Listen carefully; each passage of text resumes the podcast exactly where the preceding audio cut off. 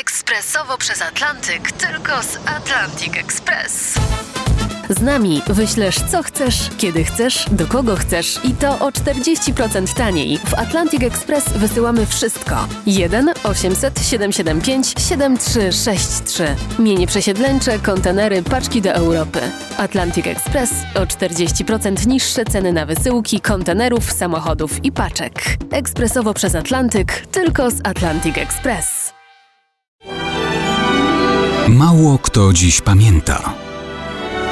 Datownik historyczny prezentuje Maciej Korkuć.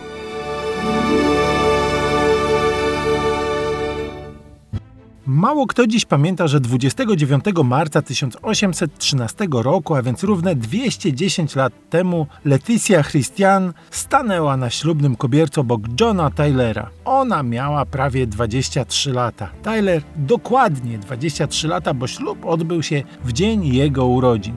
Był prawnikiem, miał już za sobą pewne doświadczenie polityczne.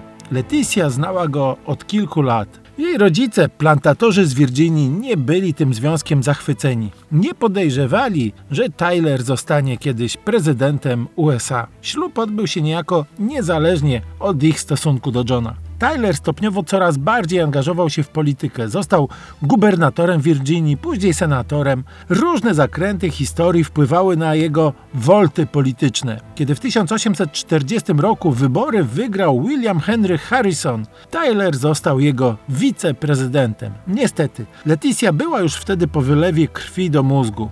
Funkcje drugiej damy nie były specjalnie absorbujące, ale nawet ceremonialne obowiązki były dla niej trudne. Co więcej, szybko okazało się, że nie będzie żoną wiceprezydenta, ponieważ już miesiąc po zaprzysiężeniu prezydent Harris zmarł. I Tyler w 1841 roku został dziesiątym prezydentem Stanów Zjednoczonych Ameryki Północnej. Dla Leticji wiele się jednak zmienić nie mogło. Stan zdrowia nie pozwalał jej na nazbyt wyraziste eksponowanie roli pierwszej damy USA. Zresztą długo się sukcesem męża cieszyć nie mogła. We wrześniu 1842 roku doznała nowego wylewu i zmarła. Pamiątką po prezydenturze Tylera była wynegocjowana przez niego inkorporacja Teksasu do USA w 1845 roku, a Leticia przeszła do historii jako żona dziesiątego prezydenta Stanów Zjednoczonych, chociaż